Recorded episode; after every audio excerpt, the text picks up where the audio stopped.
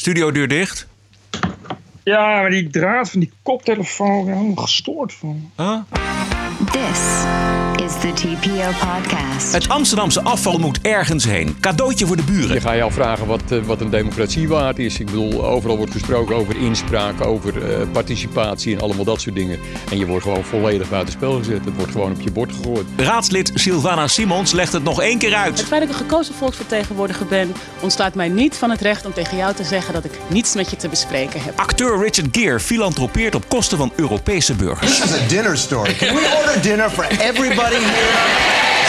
Okay, pizza for everybody. En de zelfmoord van Jeffrey Epstein. De opluchting is op meerdere plekken groot. Now, how you end up dead and you are a high profile case in prison? Come on now. Ranting and Reason. Bert Bresson, Roderick Phalo. This is the award winning TPO podcast. Aflevering nummer 133. Het is maandagavond, 12 augustus. Vandaag melden lokale media op Gran Canaria dat de bosbranden nog niet onder controle zijn. Oftewel, de- die breiden zich alleen maar uit over het eiland. Toeristen niet in gevaar, maar hoe staat het met onze eigen Bert? Ik ben ook niet in gevaar. Nee? Het is gelukkig heel, heel ver weg van mij. Maar het is wel tyfus heet. Dus, eh, en het waait er heel hard. Dus je ruikt eh, het. Nee, dat niet. Het eh, waait eh, eh, de andere kant op volgens mij. Maar ehm, het is zo dat het, ze hadden het bijna onder controle. Omdat het in wezen eigenlijk maar een heel kleine brand is. Het is de hele tijd een bermbrand. Dus echt dan het bos is dan nog niet aangetast. Maar vannacht ging het ineens echt heel hard waaien. Echt, echt gewoon eh, ja, windkracht, windkracht 7 of 8, weet je wel. Dus, dus toen hebben ze gewoon die, eh, die, eh, dat vuur hebben ze gewoon niet normaal nog onder controle kunnen krijgen. En ik weet niet hoe het nu voor staat, want ze zijn al de hele dag bezig. Ze hebben nu negen, negen blushelikopters en een, en, een, en een blusvliegtuig. En dat komt helemaal uit, uit Malaga. En die, die helikopters die komen gewoon hier van de eilanden. En eh, ja, er moet dan de hele tijd nog meer inzet komen. Dus nog meer brandweermannen. Maar ze hebben hier gewoon eigenlijk net als toen bij die bosbranden in Portugal. Eigenlijk ja, natuurlijk altijd eh, tekort aan brandweer en tekort aan personeel. Net als dat ze overal tekort aan politie hebben. Het is verder net de Europese Unie wat dat betreft. Ja. Is, het- is het allemaal eh, aangestoken of is dat de, de normaalste zaak van de wereld rond dit jaargetijde? En ook omdat Nee. het natuurlijk heel erg warm is. Eh, Het is in dit geval eh, iemand die met een lasapparaat bezig was. Waarschijnlijk in zijn tuin. En, eh, en het is allemaal zo droog dat een vonkje al voldoende is. Die man is aangehouden. want Je hebt hier gewoon allemaal regels. Je mag, ik mag ook niet. Ik mag tussen, tussen 1 juli en, en, en, en 30 september. mag je wel ook geen, geen, geen vuur, geen barbecue en geen buitenoven en dat soort dingen. En, da, en dat. maar je, ja, het is zo heet en zo droog. En, en met dit soort wind is het. Weet je, kijk, je kan niet voorkomen dat mensen vonkjes maken. Dus elk jaar gebeurt dat wel. En, en het is, is dus met, met dit soort wind. Is het gewoon, gewoon een, ja, per definitie een nachtmerrie. Want je kan dat niet voorkomen. Dat het echt. Op het moment dat die brandweer er is, heeft het zich uitgebreid. Omdat het, er staan hier overal. Want waar ik zit hier, is eigenlijk alleen maar een rots. Maar op de grond zijn wel allemaal van die kleine struiken. Ja. En die zijn gewoon helemaal verdord. En dat is gewoon hetzelfde als hooi. En dan, als je dat aansteekt, dan heb je een soort flashfire. En dus voor, op het moment dat je gaat blussen, is het alweer 100 meter verder. Ja. Oké, nou eh, Bert, hou ons eh, volgende week op de hoogte hoe, hoe het ermee staat. Eh, vandaag ook nog een opzienbarend interview in de Volkskrant met de 21-jarige Nicky van Grinsven. Een jongen die een vrouw het leven redde toen er in een Utrechtse tram iemand alle akbar riep en begon te schieten. Vier doden. Held Nicky kon er goed over vertellen bij Nieuwsuur. Jij werkt toevallig daar in de buurt. Ja. Je had even pauze. Ja. Ehm, dat meisje lag dus buiten de tram. Ja. Jij ziet haar gewond, je wil haar helpen. En vervolgens zie je dus de, eh, de verdachte die nu is opgepakt. Kijk je in de ogen. Die stond op 15, 10 meter afstand. Dat Ja. was heel dichtbij, zeg maar. Ja. Eh, wat, ehm, wat zei die? Wat hoorde je? Het, het- het- hij- ik rende weg en ik hoorde schoten in mijn rug. En op dat moment, daarna hoorde ik hem ook alle Akbar roepen. En toen schoot hij nog een keer twee keer. Ja, zelf aan de dood ontkomen. Ehm, dit verhaal werd hem niet in dank afgenomen. Want via sociale media werd hij overladen met eh, haat van moslims. die hun religie enerzijds niet geassocieerd willen zien met eh, dood en verderf. en tegelijkertijd op, eh, het op een schelden en bedreigen zetten tegen deze Nicky van Grinsven. Dat staat allemaal in de Volkskrant vandaag. Ja, precies. Je moet maar eh, tegenwoordig oppassen wat je nieuwsuur komt zeggen. Want je kan alles zeggen.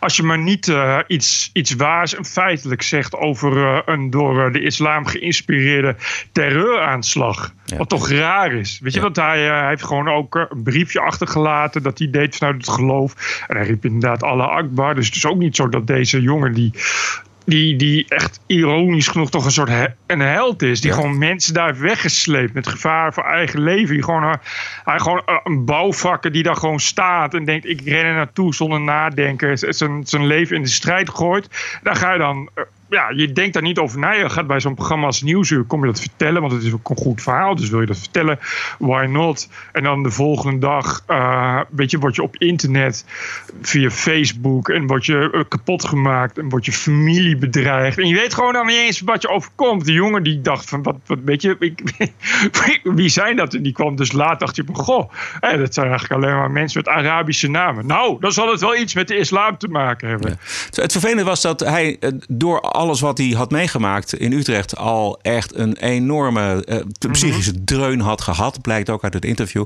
En dan komt dit er dus bovenop. Hè, dit, kan er, dit kan er gewoon extra bij. Tot aan zijn vriendin is, uh, werd lastiggevallen uh, op allerlei mogelijke manieren. Ja. Kan jij dat uitleggen, Bert, eigenlijk? Hoe dat werkt bij die, die zich dan zo beledigd voelen en het op een schelden en bedreigen zetten tegen deze jongen? Ja, hoe, werkt dat in die hoofden? Nou, dat werkt. Uh, weet ik niet hoe het, hoe het in die hoofden werkt, maar in die cultuur werkt het als volgt: Islam is respect en geen respect is agressie. Nou, dat is een beetje het idee. Dus als iemand iets doet, dan moet je meteen terugslaan en de hard opslaan. Dat staat ook zo'n beetje in, uh, in, de Koran. En uh, ja, dat is iets wat uh, de profeet ook wel graag uitsprak. En Allah was er ook goed in. dus ja, dat, is, dat wordt dan zo aangeleerd. En dan hoef je niet te kijken naar de context of, of wie dat is. En waarom je dat zegt. Iedereen die iets zegt over de islam moet kapot en zo hard mogelijk. Het is al best wel lang erover gegaan. Maar toch nog even terugkijken op de pro-Boerka-demonstratie van afgelopen vrijdag in Den Haag. Het Malieveld was een beetje aan de grote kant voor de opkomst. En de liefhebbers van de middeleeuwen, hoewel de middeleeuwen... Wij staan hier om duidelijk te maken dat wij niet zullen accepteren terug in de tijd gegooid te worden. Hebben we dat niet geleerd van 75 jaar geleden? Los daarvan sta ik hier als vrouw. Een vrouw die wel overwogen en met heel veel passie en liefde gekozen heeft voor het dragen van haar niqab. Ja, een paar dingen vallen op. Deze mevrouw, uh, zoals veel niqab en burka-draagsters, uh, is een Nederlandse vrouw bekeerd tot de, de religie ja. van de burka, zullen we maar zeggen. Het tweede is dat ze niet terug wil in de tijd, maar wel een niqab wil dragen of een burka desnoods. En ze stelt ook haar lot gelijk aan dat van de vernietiging van de Joden in de concentratiekampen van Nazi-Duitsland. Ja, grappig als je zelf in uh, pak een beetje 555 leeft. Ja. Dat je daar over de jaren, de jaren 40, 20e eeuw gaat hebben. Ja. Interessant, interessant. Het is wel opvallend inderdaad dat ten eerste op die bijeenkomst komen alleen maar de usual suspects zoals gewoonlijk. En dat zijn er inderdaad tien. Uh, en diegene met een boerka, dat zijn inderdaad allemaal uh, wel erg opvallend ABN-sprekende dames. Ja. Dat zijn inderdaad altijd bekeerlingen. Maar ik twijfel eerlijk gezegd, en dat heb ik al uh, de hele tijd een beetje, of al die boerka's die nu komen jammeren in de media, of dat überhaupt wel bekeerlingen zijn. Volgens mij zijn dat gewoon activisten die een boerka aantrekken. Ja, daarvan is er één bekend. Die heeft um, een reportage meegelopen met volgens mij Nieuwsuur was dat. En die werd uiteindelijk ook ontmaskerd als iemand die er normaal Juist. gesproken geen boerka draagt, maar uh, dit gewoon bewijzen van ja, actie, precies wat jij zegt, uh, uh, doet. Dus het, het viel mij ook enorm op hoeveel van die dames die aan het woord werden gelaten in de reportages die ik gezien heb, gewoon keurig Nederlands spraken. Was ook niet zo heel gek, want die andere, alle andere mevrouwen met een boerka, die, die mogen helemaal niet van hun nee. man. Die mogen nee. helemaal niet naar buiten. Dus ja, die kunnen natuurlijk ook niet voor een boerka opkomen. Dat willen ze ook niet, want dan worden ze waarschijnlijk gedwongen om een boerka te dragen. Dus de enigen die tegen het boerkaverbod zijn, zijn degenen die eigenlijk normaal nooit een boerka dragen of bekeerling zijn. Dus inderdaad een bewuste keuze hebben gemaakt om een boerka te gaan dragen. Ja. Uh, het, het bekende setje liefhebbers van de uh, patriarchale Knoet was er ook. En dan heb ik het over de Amsterdamse margepartij Bijeen. Die was er in zijn geheel. En partijleider Simons is uh, niet zo van de diversiteit in de pers. En sloot buiten de verslaggever van Up Network. Dag Sylvana, hoe gaat het met je? Heel erg goed. En ik zal je volgende vraag ook beantwoorden. Ik heb geen behoefte om met de media te... Dat was niet, dat was niet mijn uh, volgende vraag. Maar de volgende vraag was... Waarom staat u hier? Moet ik echt in herhaling vallen? Vind je dat fijn? Nou, u, bent een, u bent een gekozen volksvertegenwoordiger, toch? En ik wil graag weten wat uw visie hierop is. Het feit dat ik een gekozen volksvertegenwoordiger ben, ontslaat mij niet van het recht om tegen jou te zeggen dat ik niets met je te bespreken heb. En waarom is dat? Dankjewel. Of zoals Anja Meulenbelt het ooit zo inclusief tegen journalisten zei... Jullie horen hier helemaal niet te zijn. Het is al, inclusiviteit eh, is, is toch altijd weer heel wat bij deze mensen. Ja, ja. Er liep trouwens ook nog een eh, andere lokale cameraploeg rond op de hand van de demonstranten en zonder kritische vragen. En daar had het Amsterdamse raadslid wel een paar minuten tijd voor over. Waarom denk je dat Nederland zo'n iets heftigs voor zo'n kleine groep door wil zetten? Nou, het gaat namelijk helemaal niet om die vrouwen. Dat is de reden. Het gaat om eh, eh, anti-islamretoriek. Juist, dat is het. Aha, de komende tijd zullen er nog wel meer van dit soort protesten volgen. Alhoewel ik denk, ja, het is alweer bijna september en de pepernoten liggen alweer in de... Eh, sorry, kruidnoten. Kruidnoten liggen... al- VOC, sorry, VOC-noten liggen alweer in de schappen. Dus binnenkort begint het Zwarte Piet-debat weer. Dus dan is die hele boerka-discussie alweer vergeten. Dat denk ik eigenlijk, eigenlijk ook wel. Ehm, nog even een aantal sympathisanten die er ook altijd zijn. En die zijn er om vooral tolerant te zijn. Whatever the price may be. U vindt het niet een beetje intimiderend? Nee, ik vind het helemaal Nee, niet ik vind intimiderend. skinheads veel intimiderender. Ja? Ja, ik kom liever zeven vrouwen in een boerka tegen dan zeven skinheads. Maar hoe weet u dat het vrouwen zijn? Oh. Ja. Is wel zo. TPO Podcast. Een nieuwe aflevering, Bert, in de soap rond het Amsterdamse afval- en energiebedrijf. Even een korte samenvatting van het voorafgaande, voor wie het nog niet eh, eh, precies eh, weet. We hebben het over het, de grootste vuilverbrander van Nederland. AEB. Twaalf jaar geleden zat de vuilverbrander ook al in zwaar weer. Er was toen 400, voor 450 miljoen euro een nieuwe verbrandingsoven aangeschaft. Die kampte met allerlei technische problemen. Gemeente Amsterdam moest er toen 135 miljoen euro bijleggen. Tot 2014 was de vuilverbrander onderdeel van de gemeente. Daarna werd het een zelfstandig bedrijf, maar bleef het voor 100% eigendom van de gemeente. Omdat de opbrengsten uitbleven, werd er bezuinigd op het personeel en het reguliere onderhoud. En na een aantal ongelukken zijn vier van de zes ovens uitgezet en staat de vuilverbrander onder verscherpt toezicht. Het acute probleem is nu wat te doen met het huisvuil en het bedrijfsasfal. Tonnen met bedrijfsafval uit Amsterdam worden wegens de problemen bij afvalverwerker AEB binnenkort naar de stortplaats in de Wieringermeer gebracht. Het zou gaan om maximaal 500 ton bedrijfsafval per week. En dat terwijl omwonenden al jaren strijden tegen stankoverlast. Ja, teleurstellend, ja. Ik, eh, ja, ik schrok me wild. Ze zitten natuurlijk in Amsterdam met hun handen in het haar. Vanwege wanbeleid daar kunnen ze de, de ovens niet voorzien. Het moet ergens naartoe en daar zijn wij nu de dupe van. Het storten van het Amsterdamse afval is een tijdelijke oplossing totdat er weer voldoende verbrandingscapaciteit is. Ja, wat is tijdelijk? Is twee jaar tijdelijk? Dat zeggen ze natuurlijk niet. Je, je gaat je afvragen wat, eh, wat een democratie waard is. Ik bedoel, overal wordt gesproken over inspraak, over eh, participatie en allemaal dat soort dingen. En je wordt gewoon volledig buitenspel gezet. Het wordt gewoon op je bord gegooid. Ja, die laatste meneer is eh, Siem Zeilenmaker van de lokale partij Progressief West-Friesland. En zo eh, stinkt Progressief Amsterdam een uur in de wind bij Progressief West-Friesland en alle andere bewoners van de Wieringenberg. Veel duidelijker kun je, kun je het typisch GroenLinkse not in my backyard eigenlijk niet, eh, niet uitdrukken, is het wel? Ja. Het is gewoon inderdaad letterlijk gewoon bij de buren over de, over de schutting flikkeren. Als wij er maar geen last van hebben. En kijk, die man die je net hoorde, heeft natuurlijk gewoon wel een punt. Want daar worden ook, kijk, in die Wieringenmeer is dus al, is dus al een, een vuilopslaggebied. En mensen hebben daar last van, want er wordt er veel vuil opgeslagen. En eh, ook daar zitten ze met waar moet het dan heen? Want niemand wil vuil hebben. Maar overal is, is, is er te veel aan vuilopslagplaats. Dus daar is het al te veel. Dus, dus maak je daar met z'n allen afspraken over. Hier geen vuilnis meer. En dan komt Amsterdam zegt ja sorry. Even, we schuiven die afspraken opzij. We gaan er toch nog wel even afval bij jullie dumpen. Ja. Ja, en als je daar woont, dan moet je dus maar denken: oh, nou gelukkig dat ze dan in Amsterdam geen afvalprobleem hebben. Maar ik zit dan wel tussen de maden en de meeuwen en stank. Ja, dan moet ik maar blij zijn eh, dat, eh, weet je, dat, dat de Amsterdammers nu eh, geen, geen afvalprobleem hebben. Dat, dat werkt toch niet zo? Nee, nou blijkbaar werkt het dus wel zo, want het is een acuut probleem. En voor iedereen, ja, alle luisteraars die denken: van, ja, dit is een Amsterdams probleem, vergeet het maar. Dit is een Nederlands probleem. Want niet, nu is het Wieringenmeer, maar er zijn nog meer afvalverwerkingsplekken en opslag. plaatsen in Nederland. En Ook het Amsterdamse af. Ja, ook misschien al vol, maar het Amsterdamse afval kan daar ook eh, eh, terecht. Het is een noodsituatie. Het wachten is op het repareren van die, van die vier ovens. En dat kan nog wel een paar maanden duren. Dat gaat nog wel even duren, toch? Dat Want, gaat wel even eh, duren, ja. En tot die tijd moet het dus overal elders worden opgeslagen en elders worden verbrand. Onder andere in progressief Wieringenmeer. en de gemeente Amsterdam moet ook nog eens een keer miljoenen bijstorten om de vuilverbranders die het wel doen, überhaupt te laten draaien. En dan gaat het om een eerste bedrag, is nu gebleken, van 16 miljoen euro. En inmiddels is er ook een tweede bedrag gestort dat tussen de 17 en 20 miljoen euro is. Kijk, dit probleem is dus veroorzaakt door, eh, door een Amsterdams gemeentebestuur. Wat er nu niet meer zit. Maar ja, problemen zijn nou even eenmaal overerfbaar in gemeentebesturen. Daar, doe je, daar doe je niks aan.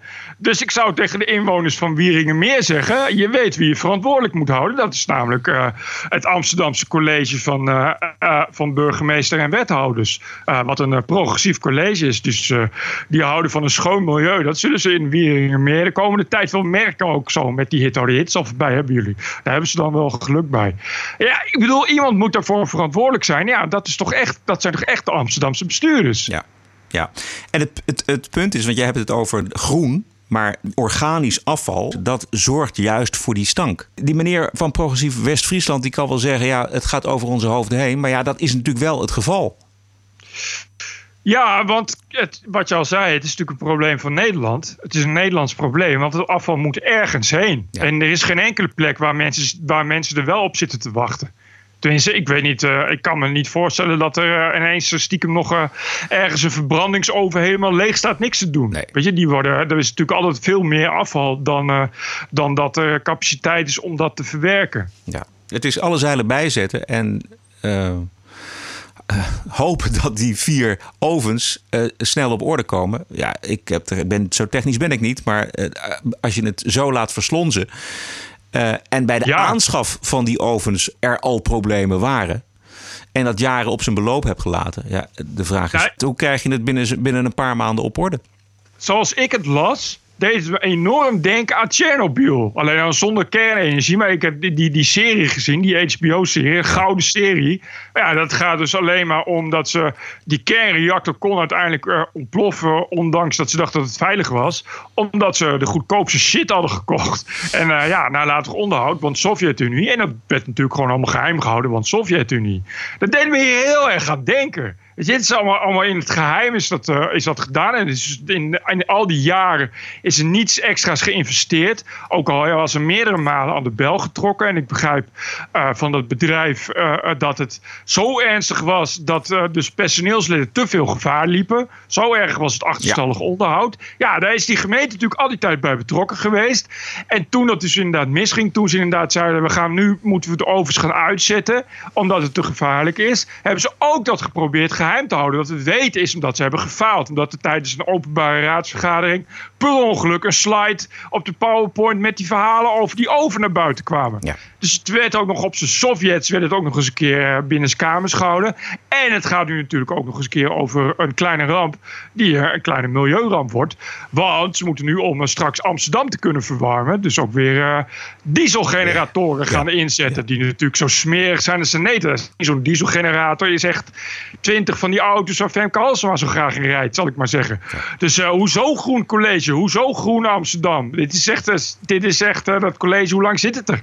En eh, nog niet zo heel lang, Nou, maar het is jaar, anderhalf in elk jaar? geval... eh, ja, anderhalf jaar. En, Ja. en in de Wieringenmeer moet ze al stikken van, van de ellende. Ja. En het is dus een heel ambitieus college. Ze krijgen bijvoorbeeld wel geld, extra geld van de overheid... als het gaat om die 24 uur opvang van uitgeprocedeerde asielzoekers, de illegale. Maar dit, dit geval is eh, een gevalletje 100% aandeelhouder. En iedereen voelt wel aan zijn klompen dat dit de spuigaten gaat uitlopen. Dit is natuurlijk als je al Precies. eerst 16 miljoen en nu weer 20 miljoen moet gaan dokken, dan voelt iedereen wel dat dit gaat helemaal eh, de verkeerde kant op. Dus ik, mijn vraag, hoe gaat de gemeente dit ophoesten? Hoe gaan ze dit betalen? Ik ben reuze benieuwd als het college eh, en de raad weer van eh, vakantie terugkomt. Maar dit, dat is echt een belangrijke vraag. En ten koste van welke programma's gaat dat dan? En niet alleen ten koste van welke programma's, maar gaan de belastingen misschien wel omhoog omdat ze het gewoon een keer moeten betalen? Of moeten ze, gaan ze lenen? Hoe werkt dat precies? Nou, ik weet van, eh, van het falen van de Noord-Zuidlijn destijds... dat Amsterdam bijna onder curatele werd gesteld. Dat kan ook nog. Dus, dus, je kan, eh, dus dat betekent, je kan gewoon heel veel, heel veel geld ook uit een gat scheppen wat je niet hebt. En dan uh, dat kun je doorberekenen tot, tot aan welke grens je kan gaan. Dus het is gewoon een kwestie van lenen. Uh, Amsterdam is natuurlijk wel een rijke stad. Wat ze, wat ze doen, dat weet jij ook en dat weet ik ook, is elk jaar de vastgoedbelasting torenhoog opschroeven. Dus, dus weet je, en je hebt natuurlijk, natuurlijk een hoop toeristen, je hebt natuurlijk een hoop bedrijven. Dus er valt altijd heel veel geld te halen. Maar ja, het zijn hoe dan ook de belastingbetalers die ervoor opdraaien. Maar de, de toerisme moest naar beneden. Ja, maar dat is dus. Dat, wordt, dat soort dingen zijn kut. Uh, ik begrijp bijvoorbeeld ook, dat las ik ook, uh, dat ze nu al voorzien dat ze straks een enorm tekort gaan krijgen aan elektriciteit. Omdat de vraag naar elektriciteit in Amsterdam exponentieel uh, explosief gaat toenemen. Ze verwachten dat het in, uh, in, 2000, in 2050 tig keer meer vraag naar elektriciteit is. Omdat ze dus ook allemaal ambitieuze plannen hebben met de bouw van datacenters. Ja. En zo'n datacenter dat trekt dus een eentje voor een hele stad als aan de elektriciteit weg. Uh, en dat moet ook van dat soort centrales komen. Dus ik weet nu al dat dat straks ook één groot probleem gaat worden. En wat dacht je en van nog... al die auto's die straks elektrisch moeten? En opgeladen moeten worden hier in de straat? Ja, en van, van, van uh, de handel die geheel stilvalt. Omdat er geen auto's en vrachtwagens meer mogen komen. En dan toch nog geld willen verdienen. Dat wordt weer lachen zoals gebruikelijk. En zoals gebruikelijk is het weer een linksbestuur waar de problemen het grootst zijn. Um, Bert, we moeten het eventjes nog hebben over waar we het vorige week ook over hadden, namelijk over Sydney Smeets. Ik weet dat het niet je favoriete onderwerp is, maar we moeten het er toch even over hebben. En waarom? Omdat uh, vandaag de advocaat Smeets op Radio 1 glashard zat te ontkennen wat wij vorige week lieten horen uh, uit de documentaire waarin hij de grappen over homo's van Johan Derksen, Jan Roos en Jan Dijkgraaf rechtstreeks koppelt aan geweld. Dit zegt Smeets in die documentaire. Als je dat doet, dan normaliseer je dat dat oké okay is. Dat je dus mensen vanwege die LHBTI plus ge, uh, geaardheid gewoon belachelijk kunt maken. En dat is de eerste stap op weg naar geweld. Juist, de eerste stap op weg naar geweld. Dat Juist. hebben we vorige week laten horen. En wat zegt advocaat Smeets vandaag op Radio 1? Kijk, dat de heren homofobe uitspraken doen, dat kan iedereen zelf vaststellen. Uh, ik heb ook niet gezegd dat ze daarmee aanzetten tot geweld. Ik heb gezegd oh. dat ze bijdragen aan een klimaat waarin homofobie genormaliseerd wordt. Ja, maar zetten zij daar nou mee aan tot geweld? Nee, maar dat heb ik ook niet gezegd. Uh, wat zij doen is, zij, bij, zij, dragen bij aan een klimaat... waarin homofobie genormaliseerd wordt. En dat, dat is zo. Ja, maar waar zei je helemaal niet. homofobie genormaliseerd is, ontstaat eerder geweld? Uh, dat denk ik wel, ja. ja. Dus zetten ze indirect aan tot geweld? Uh, dat heeft u mij niet horen zeggen. En dat gaat u ook niet zeggen? Ga ik ook niet zeggen. Het lijkt goddomme wel een advocaat. Ja, ik denk, Bert, dat advocaat Smeets uh, spijt heeft van zijn koppeling tussen de grappen en het geweld. Goh. En doet alsof hij die koppeling helemaal niet gemaakt heeft. Nou, dat is wel jammer dat dat er gewoon nog fragmenten van zijn. Waar je toch echt glashelder kan horen dat hij het hele woord klimaat niet in zijn mond neemt. En ook helemaal niet zegt zijn verantwoordelijk voor het creëren van een klimaat. Maar gewoon zegt, is de eerste stap uh, op weg naar geweld. Ik... Uh, ik bedoel, laten, we, la, laten we het nog een ja, keer voor de, laten we één keer herhalen. Voor de heer Smeets, voor de heer Roos, voor de heer Dijkgraaf, voor Radio 1. Voor herhalen radio, we het nog radio één 1. keer. Jan Roos, Johan Derksen, Jan Dijkgraaf, noem ze maar op. Die in hun uitingen, in hun columns, in hun televisieprogramma's homofobe en transfobe grappen maken. En als je dat doet, dan normaliseer je dat dat oké okay is. Dat je dus mensen vanwege die LHBTI plus ge, uh, geaardheid gewoon belachelijk kunt maken. En dat is de eerste stap op weg naar geweld. Geweld. De eerste stap op weg naar geweld. Dat is toch echt. Ja, hij zegt het toch echt. Ja, ik kan er ook niks anders van maken. Ik snap dat zijn uh, natuur en uh, ziel, oh die heeft hij niet, hè? dat zijn uh, natuur automatisch liegen en draaien is. Dat is een beetje ook zijn dagelijks werk. Maar dat wordt zo wel heel lastig als je dat openlijk doet in de media. En dan kunnen mensen dat ook gewoon weer terugluisteren. Ik weet ja. niet of hij een idee heeft of mensen dat misschien doen. Of dat hij denkt dat heel de wereld dom is. Maar dit begint een beetje treurig te worden inderdaad. Ja. Maar... Zeg, dan gewoon, zeg dan gewoon van ja, ik heb dat niet zo bedoeld. Of ik wil dat graag nuanceren. Ja, dat was beter of, geweest. Of ik, je, ik, ik, ik, neem het terug. Ik, ja. heb, ik heb daar iets gezegd wat te kort door de bocht was. Hè, dan kom je er nog mee weg. Maar wat hij eigenlijk ook vanmorgen zei op Radio 1 was dat hij er niet zoveel van verwacht, van die eh, aanklacht. En hij probeert het op deze manier te, debunken. Ik vraag me af of dat gaat lukken. Nou, het wordt op deze manier niet zo goed. op deze manier wordt dat niet echt beter, nee. TPO Podcast.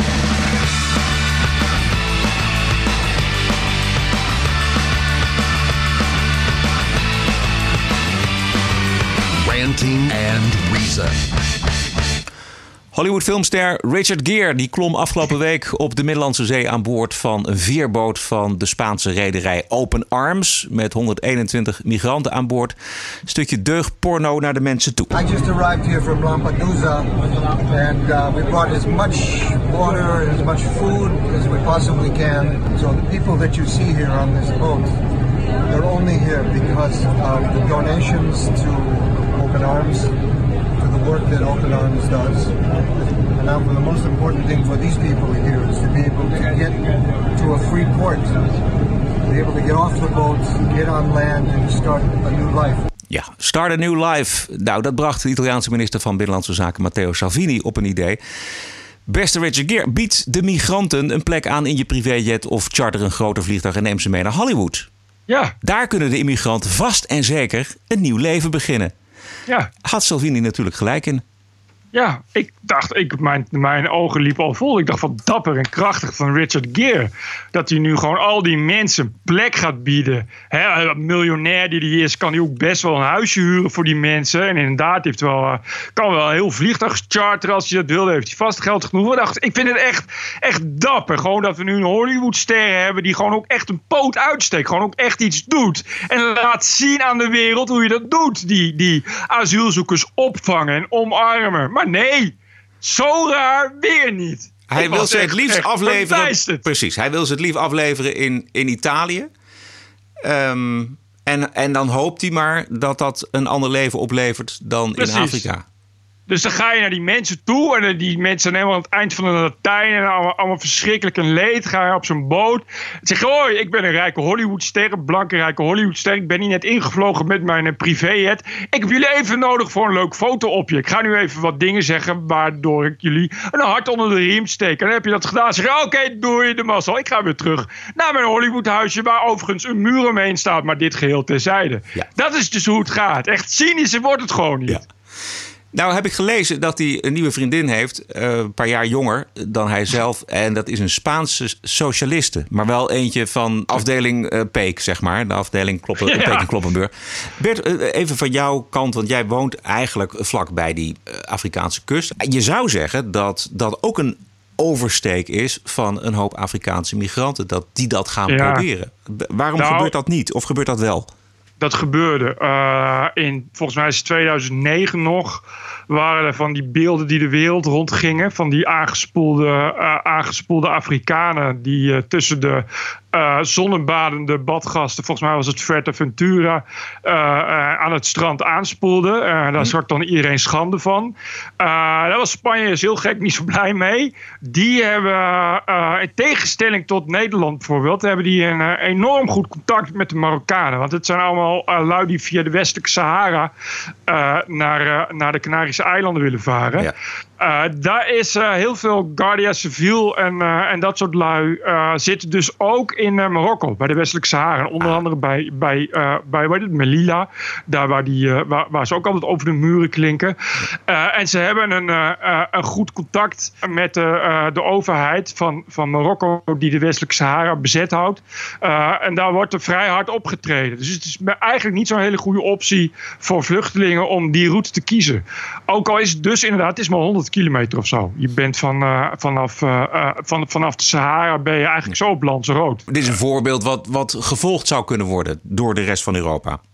Ja, en, en de Spanjaarden zelf, eh, als je hier als asielzoeker aanspoelt, dan eh, hier op de eilanden, dan, dan vliegen, ze gewoon, eh, vliegen ze gewoon naar Spanje of ze zetten je vast. En dat is volgens mij, voor zover ik begreep, eh, ja, de, de mensenrechtdeskundigen waren over dat vastzitten ook niet, niet erg te spreken. Dus het is ook echt, het is vrij duidelijk dat je niet zo welkom bent.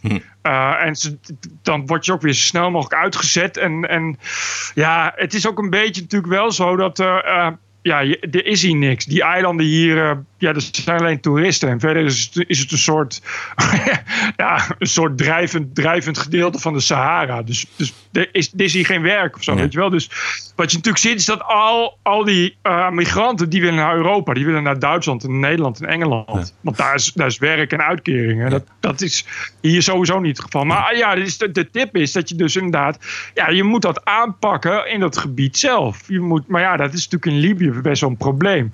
Maar als dat niet lukt, moet je dus gewoon hard optreden. Ja, dat is de Salvini-methode. Een bruggetje van Eva Jinek. Italië wordt geteisterd door noodweer. Dat leidde de afgelopen dagen zelfs tot aardverschuivingen. Maar sinds vandaag kampt het land met een veel groter probleem. Een politieke aardverschuiving. En dat allemaal dankzij deze man. We zien hem hier in zijn zwembroek. We hebben het over vicepremier Matteo Salvini. Ongekend populair, ongekend populistisch. En terwijl Italië grote economische problemen heeft... blaast hij eigenhandig de regering op. Ja, het- het- vervolgens kwam er een redelijk informatief gesprek over Salvini... met zowaar begrip voor de opstelling van Salvini tegenover Europa. Eh, binnenkort dus verkiezingen. Eh, ja, er er is, is één reden waarom Salvini nu graag die verkiezingen wil. En dat is dat hij weet dat hij nog meer gaat winnen. Precies. Dus ja, dat eh, is verder heel, heel strategisch bekeken allemaal. This is CNN Yeah. breaking news. Donald Trump is not going to be president of the United States. Welcome to Morning Joe. Mr. President, if there is no collusion. The government shutdown is now in week four. Today was not just like a normal stormy day in the news. This is not just my opinion. TPO Podcast. This is evidence. Brian Epstein is niet meer. Pleegde Nee. zelfmoord, zegt de lijkschouwer.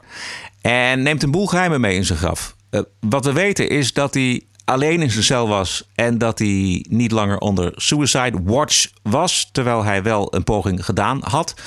Een van de samenzweringsverhalen is dat de Clintons hem een zetje hebben willen geven. Hun motief, Bill is toch wel 27 keer met de Lolita Express mee geweest. En de president, Trump, die is ook wel eh, van deze theorie. En retweette dit filmpje van komiek Terrence K. Williams. 530.000 volgers op Twitter. Shaking my head. I'm not surprised. I told y'all last month this was gonna happen, but didn't nobody want to listen to me? But then guess what? Next month he dead, and you know what? All the liberals were calling me a conspiracy theorist, saying, Terrence, you coming up with crazy conspiracies, and you need to be banned from Twitter. And then guess what? The man really ended up dead, and you know what? He had he had information on the Clintons, and the man ended up dead. Now, for some odd reason, for some odd reason, people that have information on the Clintons end up dead. And they usually die from suicide. Now, how you end up dead and you are a high profile case in prison? Come on now. And you on suicide watch and you die of suicide in prison? Yeah, okay, somebody not doing their job or somebody got paid not to do their job so somebody can get knocked off so information don't come out. But I don't know nothing. I'm just another black man on Twitter. Terrence K. Williams. Wat denk jij ervan, Bert? Ja, ik vind het lastig. Ik, wat, ik ben heel social media riepen twee. Nee, dat, dat is conspiratie. kan geen, kan geen zelfmoord zijn. Terwijl ik dacht ook van ja, het is ook niet zo dat die Epstein een, een vrolijke jongen was met een gouden toekomst voor zich. Dus op zich, weet je, zelfmoord. En het geeft ook wel een beetje weg dat hij al aan suicide watch zat. Ja, is toch ook weer niet zo heel raar. Nee, om meteen oké. maar te roepen. De, de Clintons hebben dat. Ik snap dat wel. En maar als ze dat hadden willen doen, hadden ze dat eerder gedaan. Want nu is het al best wel veel duidelijk. Er zijn best wel veel documenten gedropt, met name. Er is best wel veel naar buiten gekomen. Daar zijn ze wel een beetje laat mee dan. Ja, dat zou kunnen. Maar dat het eh, eh, zelfmoord is, dat, zou, dat heeft de lijkschouwer nu ook gezegd. Daar laten we er even van uitgaan dat hij onafhankelijk is en dat hij dat goed eh, zegt. Ja. Maar het punt is Ja. natuurlijk dat hij elk half uur gecontroleerd zou worden. En dat dat niet meer het geval Ja, ja. was. Oogluikend werd toegelaten dat hij zichzelf zou ophangen. Ja, je, je voelt, je ziet dat toch inderdaad al snel. eh, eh, je ziet het toch het heel hoog, hoog House of Cards gehalte. Hè? Met, Ja. zo'n Doc Stumper die dan eh, een gevangenenbewaarder betaalt en zo. En dan doen we even een half uurtje geen rond. Ja, dat is natuurlijk een beetje. En, maar dat is, ik, vind het, ik vind het echt heel lastig. Het is, en, en het is natuurlijk, als het, als het opzet is, is het natuurlijk slim gedaan, omdat het gewoon nooit te bewijzen is. Omdat je iemand hebt die, die natuurlijk, ja, ja zelfmoord ligt natuurlijk, natuurlijk heel erg Maar eh, ja, aan de andere kant, ik dacht ook van ja, maar ja, hij zat op suicide watch. Maar ja, misschien had hij de eerste keer ook wel helemaal geen zelfmoord proberen te plegen. Dus, dus, dus ja. Nou ja, hij, hij is er in ieder geval niet meer. En misschien is het ook wel niet zo heel erg belangrijk eh, of hij zelfmoord heeft gepleegd of niet. Hij is gewoon weg. Wel is volgens mij eh, van belang uh, of er nog iets gebeurt met die handlangers. En of er die documenten die nu naar buiten zijn gekomen, of daar nog wat mee Ja, gedaan kan worden. Maar ja, precies. Maar kan, zou dat kunnen? Die procureur-generaal Barr, Ja. die eh, had al wel meteen gezegd... ik ga een onderzoek gelassen naar, naar de achtergrond van de zelfmoord. Dus je kan verwachten dat er natuurlijk ook nog onder, dan juist onderzoek gaat worden gedaan... over de informatie die er in elk geval nog is. Want het is, ik bedoel, als je weet dat daar. eh, Dat, maar ja, ik, dat, ik, ik zeg al, het is per definitie een hooghouse of kijk, die, die mensen die daarbij betrokken zijn, dat zijn wel allemaal de machtigste mensen ter wereld, zo Ja. ongeveer. Ja. Dus, dus eh, ja, geheim. Prins Andrew, ja, precies. de Clintons. En Dit nog zijn paar. geen, Ja, geen mensen waar je, waar je die je snel even laat tackelen. Dus, dus geheid dat die inderdaad dat, die, dat de machinaties in beweging kunnen worden gezet om, om daar inderdaad dit, dit, dit af te wikkelen Je- op een voor hun gunstige manier. exact. Je kunt ervan uitgaan dat die alles op alles zetten om dit in de doofpot te houden.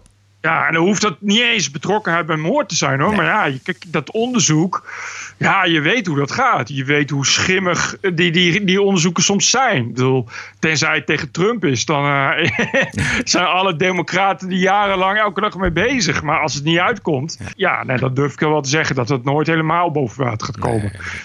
Dat er, dat er, als het echt zo is, hè, als er echt, stel dat er echt eh, chantagebeelden zijn waarin je Bill Clinton herkenbaar in beeld met twee minderjarige meisjes bezig ziet, die gaan we, die gaan we nooit zien. Dat, dat, weet, ik, dat weet ik zeker. Ik weet zeker, ik, ik, nou ja, weet ik zeker. Dat is, dat is hoe ik, wat ik van, eh, echt geloof. Dat, dat die netwerken in die macht wel zo zijn geregeld. Weet je, dat je dat soort dingen gewoon binnenskamers kunt houden. Ook al, ook al bestaat het, zeg jij. Want in dat huis van Ook hem in New York eh, is, is een hoop over hoop gehaald. En in de kluizen is van alles eh, gevonden op dat eh, gebied. Mhm. Ja, ja, het Ja, ik denk, ik denk echt dat dit soort lui. Ja, ik bedoel, die Clintons, dat is toch gewoon een, het is een hele dynastie, man. Die, die hebben takels echt, echt in alle, alle potten van de, van, van de wereld, van de macht. Laten we van Bill Clinton even naar de huidige Amerikaanse president gaan. Want die was afgelopen week in El Paso en in Dayton. In de ene plaats werd een eh, aanslag gepleegd door een extreemrechtse idioot. En de andere door een extreem linkse idioot. En Trump die zou nergens welkom zijn geweest. Maar ging toch.